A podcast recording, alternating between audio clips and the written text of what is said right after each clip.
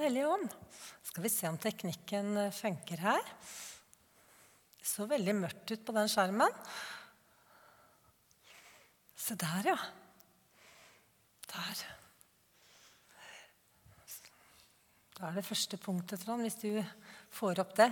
Hvem er Den hellige ånd? Den hellige ånd den er jo den tredje personen i guddommen. Og Den hellige ånd han har vært der helt fra skapelsen av.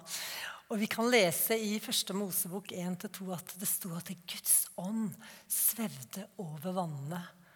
Og jeg tror Den hellige ånd venta på det samspillet som skulle være mellom Gud, vår Far, og ved Jesus Kristus. Sånn at han, Den hellige ånd, som er livgiveren, kunne gi liv, skape nye ting sammen med Gud og Jesus. For Den hellige ånd han er den som skaper noe nytt. Noe nytt liv. Og Den hellige ånd, han er også livgiveren i vårt liv. Han bringer noe nytt inn i vårt liv. Der hvor han får komme til, der skjer det noe nytt. Og det er jo sånn at når vi tar imot Jesus og bli født på ny, så blir vi født på ny ved Den hellige ånd.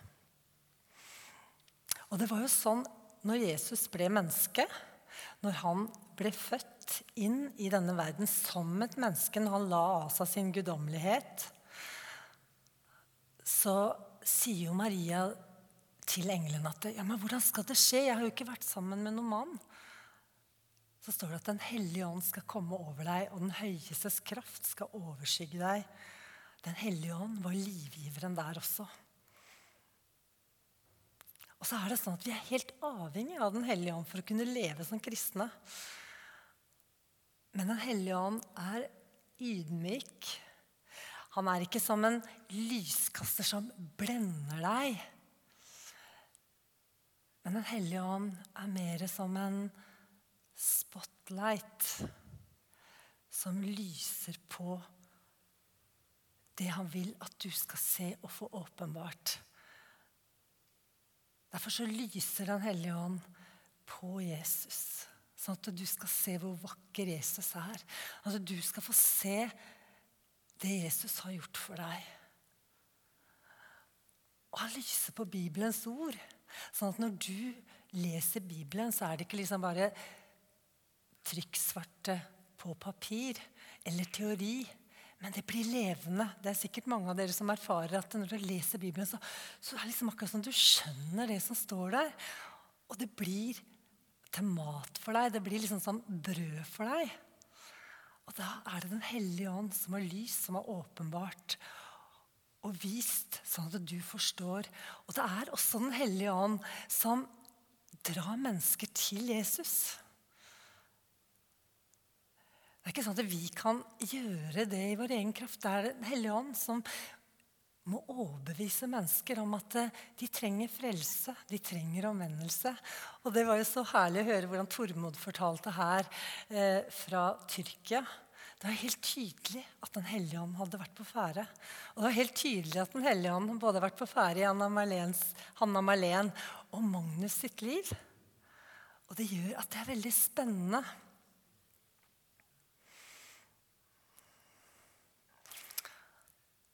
Og så lyser han opp for oss, så vi får lov å se at det, vår sanne identitet som menneske ligger i at vi er Guds elskede sønner og døtre. Det tror jeg Den hellige ånd kan åpenbare for oss. Så står det at han er eh, talsmannen som Gud har sendt. Og på gresk så er det parakletos. Og det betyr en som er kalt til å stå ved siden av en annen. Så det betyr at Den hellige ånd han er ved siden av deg som din rådgiver, som din advokat, forsvarer. Den som oppmuntrer deg, trøster deg og hjelper deg. Den som kan solve deg til tjeneste, og som kan gi deg kraft og styrke. Det er veldig fint. Det var en liten sånn introduksjon til hvem Den hellige ånd er. Og det jeg hadde veldig lyst til i dag, det var egentlig å se litt på hvordan Den hellige ånd var i Jesu liv.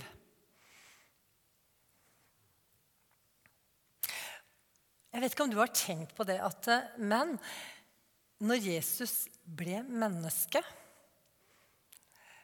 så hadde Jesus lagt av seg all sin guddommelige herlighet og makt. Så når Jesus, og Jesus i sin avmakt som når han blir menneske den skal vi se, den kompenseres av at han blir fylt av Ånden når han blir døpt, og Den hellige ånd blir værende i ham. Og det skal vi lese om i Markus 1. Der står det sånn På den tiden kom Jesus fra Nasaret i Galilea og ble døpt i Jordan av Johannes. Straks han steg opp av vannet, så han himmelen dele seg, og han så ånden kommer ned over seg og, som en due. Og det lød en røst fra himmelen. Du er min sønn, den elskede. I deg har jeg min glede. Nå trer Den hellige ånd inn i Jesus som talsmannen, parakletos, nemlig den som står ved hans side, den som hjelper, den som trøster, den som veileder, gir kraft og råd og salver han til tjeneste.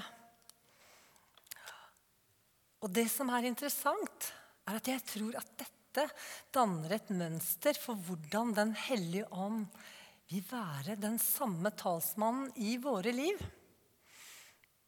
Jesus viser oss her et eksempel på at han var like avhengig av Den hellige ånd som du og jeg er. Og Derfor så tror jeg Jesus var så utrolig tydelig med disiplene. kan vi lese i Johannes evangelium, at han, han sa til dem det er best for meg at jeg går bort til Faderen. For når jeg har fullført mitt oppdrag, da er det best at jeg går bort og forlater dere. For da kan jeg sende Den hellige ånd, som kan være i hver enkelt av dere. Da var det ikke lenger sånn at disiplene bare skulle se hva Jesus hadde gjort. Men de skulle sjøl få erfare den samme ånd som gjorde det Jesus kunne gjøre. Fordi Jesus han erfarte betydningen av Den hellige ånd i livet sitt. Og det er interessant å se at før Jesus eh, ble døpt og fylt med Den hellige ånd i Jordan, så er, gjør han ikke noe under. Han har ikke begynt sitt virke. Men det er først etter det at det begynner å skje ting. Og vi kan lese i Lukas 4,1, så står det Og det er etter at han har blitt døpt. Så står det Fylt av Den hellige ånd vendte Jesus tilbake fra Jordan Drevet av Ånden ble han ført omkring i ødemarken. Og vi vet at Da var Jesus 40 dager i ørkenen, og han ble frista av djevelen der. Og Jeg tror at Jesus fikk hjelp av Den hellige ånd i den situasjonen. Akkurat som du og jeg også kan få hjelp i våre fristelser i de vanskelige tinga som vi kommer til å møte. Fordi Den hellige ånd, han er hjelperen. Han er den som gir råd. Han er den som peker og kan gi oss ordet. Så vi blir minnet om hva vi skal bruke i forskjellige situasjoner. Og så står det videre i vers 14 og 15 så står det om Jesus etter at han hadde vært i ørkenen og besto den prøven ved hjelp av Den hellige ånd, så står det i åndens kraft vendte Jesus tilbake til Galilea, og ryktet om han spredte seg over hele området. Han underviste i synagogen og fikk lovord av alle. Han kom også til Nasaret, hvor han hadde vokst opp, og på sabbaten gikk han inn i synagogen slik han pleide. Da han reiste seg for å lese, rakte de ham profeten Jesaja sin bok. Han åpnet bokrullen og fant det sted der det står skrevet Herrens ånd er over meg, for han har salvet meg til å forkynne et godt budskap for fattige. Han har sendt meg for å rope ut at fanger skal få frihet, og blinde få syn igjen, for å sette undertrykte fri og rope ut et nådens år fra Herren. Jesus han var helt avhengig av Den hellige ånd og den salvelsen som hadde skjedd. Og på samme måte er du og jeg det. Men det var først da Jesus kunne begynne i sin gjerning å oppfylle det som var profetert i profeten Jesaja. Det var først etter at Herren hadde salvet ham og fylt ham med sin ånd. Og Vi kan lese videre at det er konsekvensen av det som skjer gjennom Jesu virke og liv på jorda, med Den hellige ånd i livet sitt. Jeg har lyst til å lese et vers fra Apostlenes gjerninger som beskriver det så veldig tydelig og så fint. Der står det det at eh, Jesus fra Nasaret ble salvet av Gud med hellig ånd og kraft. Og han gikk omkring overalt og gjorde vel og helbredet alle som var underkuet av djevelen, for Gud var med ham. Det skjedde noe i Jesus når Den hellige ånd fikk fylle ham og være i ham. Og som jeg sa til å begynne med, så, så tror jeg Jesus er det derre kroneeksempelet på hvordan Gud hadde tenkt at våre liv også skulle fungere. Og da kommer vi til neste punkt, for da har jeg lyst til å se på det Den hellige ånd i vårt liv. Hvordan det kan se ut. Eh, Jesus snakker jo i Johannes evangelium til disiplene sine veldig mye om Den hellige ånd, som det var gitt løfte om skulle komme. Og Jeg er litt usikker på om disiplene fikk det helt med seg. Jeg, jeg vet ikke om de helt skjønte det før de fikk erfare det selv, Den hellige ånd, på pinsedag. For det var helt klart at det kom noe helt nytt over disiplene når de fikk erfare Den hellige hånd.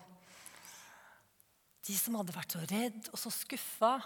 Og det er klart De gikk tett på Jesus og så alt det Jesus gjorde, og ble glad og opprømte. Men, men de hadde nok ikke fått den samme erfaringen som de fikk når Den hellige ånd kom til hver enkelt av dem på pinsedag. Og vi kan, vi kan se at det kommer, det kommer på en måte en, en helt sånn ny frimodighet over disiplene når de får oppleve Den hellige ånd. Og etter pinse da, så bare ett et eksempel er eh, Peter som går, eh, går, ut, og så er det en lam mann som spør om en gave. Og Peter han sier med en gang da Sølv og gull, det har jeg ikke. Men det jeg har, det vil jeg gi deg. I Jesu Kristi Nazarenens navn, reis deg og gå.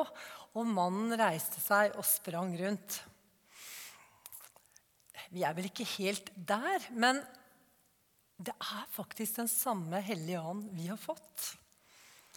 Og så må det sies, og det kommer vi sikkert inn på seinere, at det er jo ulike gaver. Men det som er poenget, er at Peter han handla på det han hadde fått. Og Jeg siterer det her for å illustrere at den ved, ved Den hellige ånd så kan det skje ting vi ikke i det hele tatt kan gjøre i oss sjøl.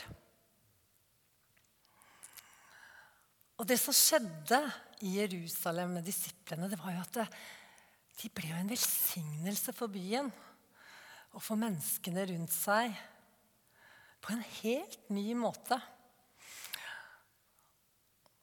Og så skal vi lese en veldig fin tekst i Johannes, fra Johannes 14. Og da sier Jesus det sånn til disiplene. Så sier han, dersom dere elsker meg, holder dere mine bud, og jeg vil be min far, og han skal gi dere en annen talsmann, som skal være hos dere for alltid. Sannhetens ånd som verden ikke kan ta imot. For verden ser ham ikke og kjenner ham ikke. Men dere kjenner ham, for han blir hos dere, og han skal være i dere. Jeg, har, jeg lar dere ikke bli igjen som foreldreløse barn. Jeg kommer til dere.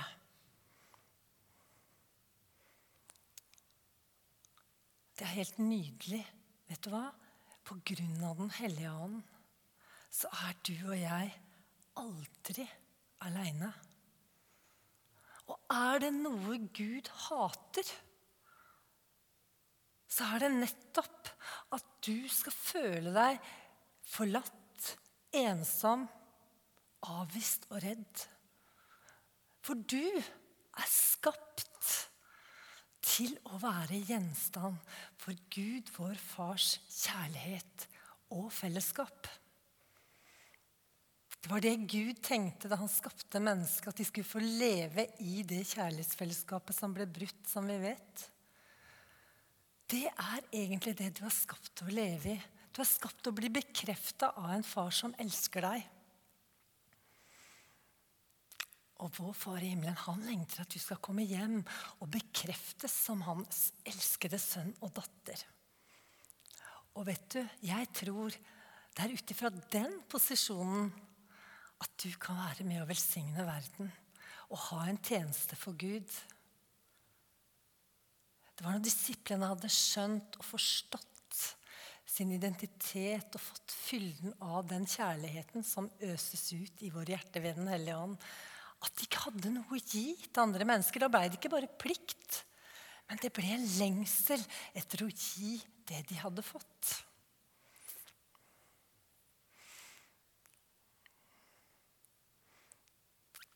Det Jesus er av naturen, han er Guds sønn. Blir vi mennesker på nytt født inn i ved Guds nåde, ved at vi tar imot Jesus Kristus som Herre og Frelser, så vi blir født på ny ved Den hellige ånd. Så på samme måte som det etter Jesu dåp lød fra Gud, vår Far dette er min sønn, den elskede. I ham har jeg min glede. Vet du hva? Slik lyder det på samme måte. Slik har det lyder det på samme måte over Hanna Marlen og Magnus i dag. Fars blikk hviler over dere og over oss alle med samme ømhet og hengivelse som når han ser på Jesus. Det er jo så lett for oss mennesker å bli urolige og redde. Selv om vi er voksne, så kan vi føle oss som barn noen ganger. Jeg kjenner på det. Det er ikke alt vi klarer å fikse, ordne og ha kontroll på. Samme hvor sterke og flinke vi kan være. Vi trenger en far som er tilgjengelig for oss, som elsker oss, og som bekrefter oss. Det at Den hellige ånd kommer til oss og blir i oss, gjør at vi kan være hjemme i det her farshuset. I det livet vi lever her, selv om vi ikke har kommet til himmelen enda, så har himmelen kommet til oss. Fordi den treenige Gud har tatt bolig i oss. Og det står at du er et tempel, et hus for Den hellige ånd. Og et veldig fint vers som jeg syns passer å lese til det her. Det står i Romerne. Som beskriver noe av det som har skjedd. Der står det I Romerne 8,15 så står det at dere har ikke fått den ånden som slavene har, så dere igjen skulle være redde. Nei, dere har fått ånden som gir rett til å være Guds barn. Den som gjør at vi roper 'Abba, far'. Abba, det er det her intime, nære ordet for pappa. Gud er ikke noe sånn langt fremmed borte. Han er pappaen vår. Og denne far-sønn-datter-forholdet, relasjonen, den har blitt gjennompretta. Jeg tror at Den hellige ånd den levendegjør det mer og mer for oss. Så at det skapes tro i oss. Slik at vi kan gå ut i de ferdiglagte gjerningene som Gud på forhånd hadde lagt ferdig, så at vi skulle gå inn i de. Som jeg sa tidlig, så snakker jo Jesus mye om Den hellige ånd i Johannes. Og han forutsier mye om Den hellige ånd som skal komme. Og vi skal lese i Johannes 7.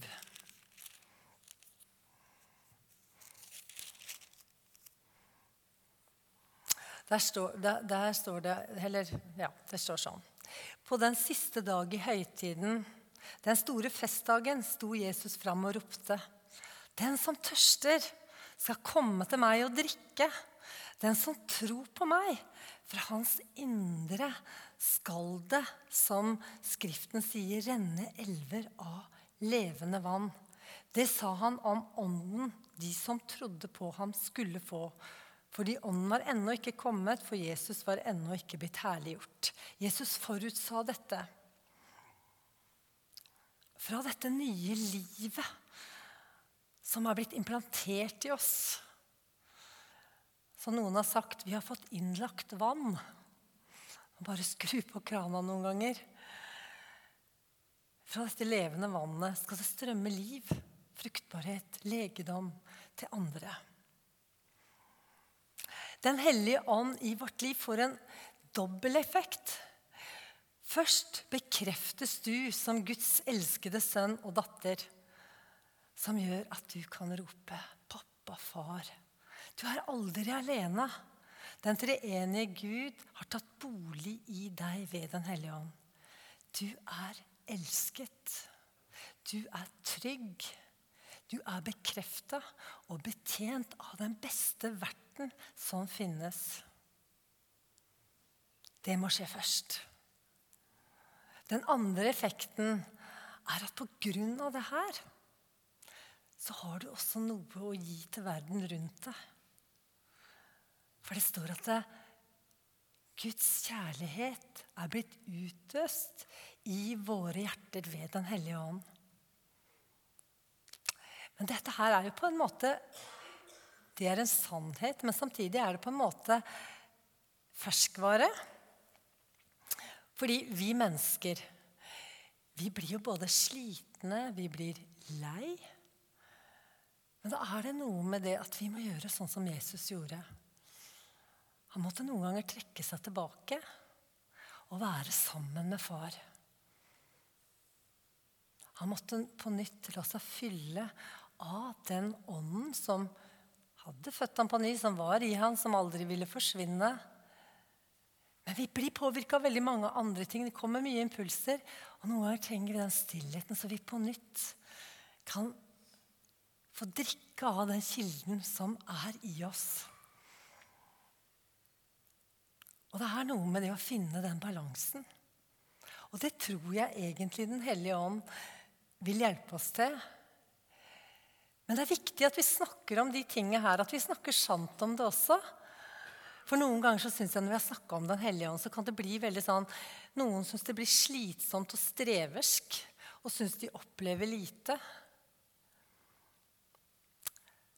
Men jeg tror at det her er viktig, for jeg tror det er en gave som vi må pakke mer og mer opp av. Og det gjelder ikke for noen spesielle. Det gjelder for absolutt alle. Og jeg tror jeg er skapt til å leve ved den kilden. Og så hadde jeg veldig lyst, eh, som siste punkt, å si noe om kjennetegn på Den hellige ånd. Og det er mange kjennetegn på Den hellige ånd. Men det har blitt sagt at gleden er Den hellige ånds mest karakteristiske kjennemerke. Det står i Apostlenes gjerninger 1352. Der står det at det, da, var, da, hadde disiplene blitt jaga ut fra et sted. Og så, ja. og så står det Men disiplene ble fylt av glede og Den hellige ånd.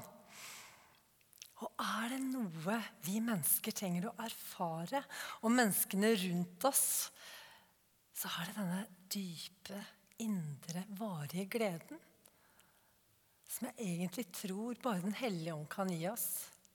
Vi kan jo glede oss over at det skjer positive ting. Men, men, det er liksom mye som er så usikkert, og så blir det noe som er dårlig. og så, sånn. Men det er noe med at det her er en litt sånn dypere type glede som finnes i Den hellige ånd, uavhengig av omstendigheter.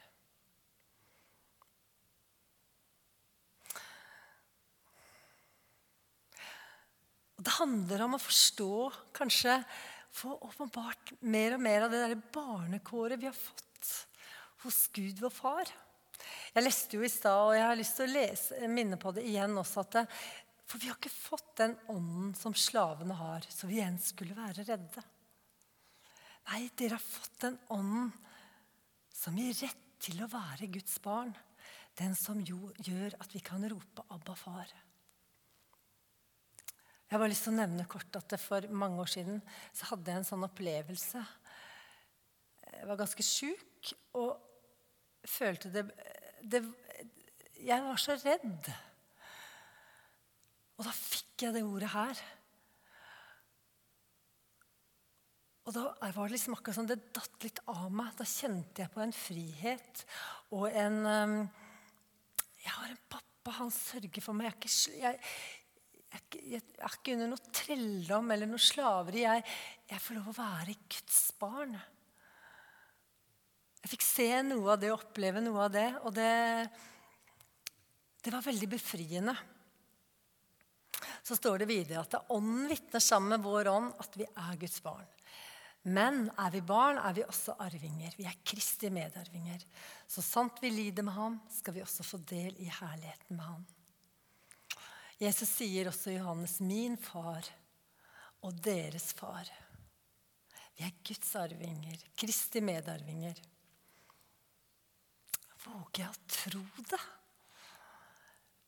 Makter vi egentlig å ta det til oss?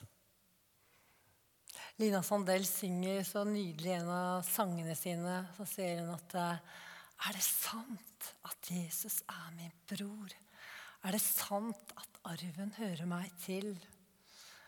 Ja, så bort med alle tårer, floder, bort med alt som her meg engste vil.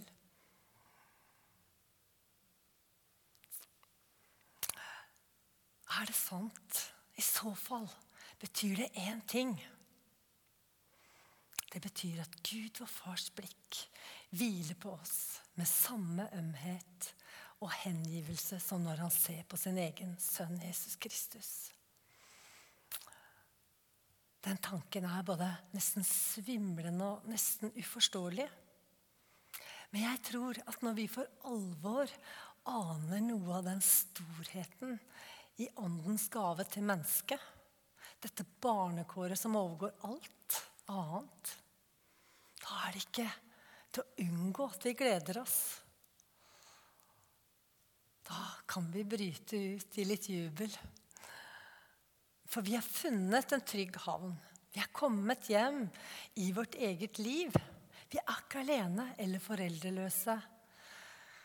Vi har fått del i et kjærlighetsfellesskap med den treenige Gud. Dette forteller Bibelen oss. Og Den hellige ånd tror jeg vil levendegjøre det mer og mer for oss. Jeg tror det er en reise for oss å oppdage det. Og så er det jo sånn at vi er jo der vi er i våre liv, med våre ups and downs.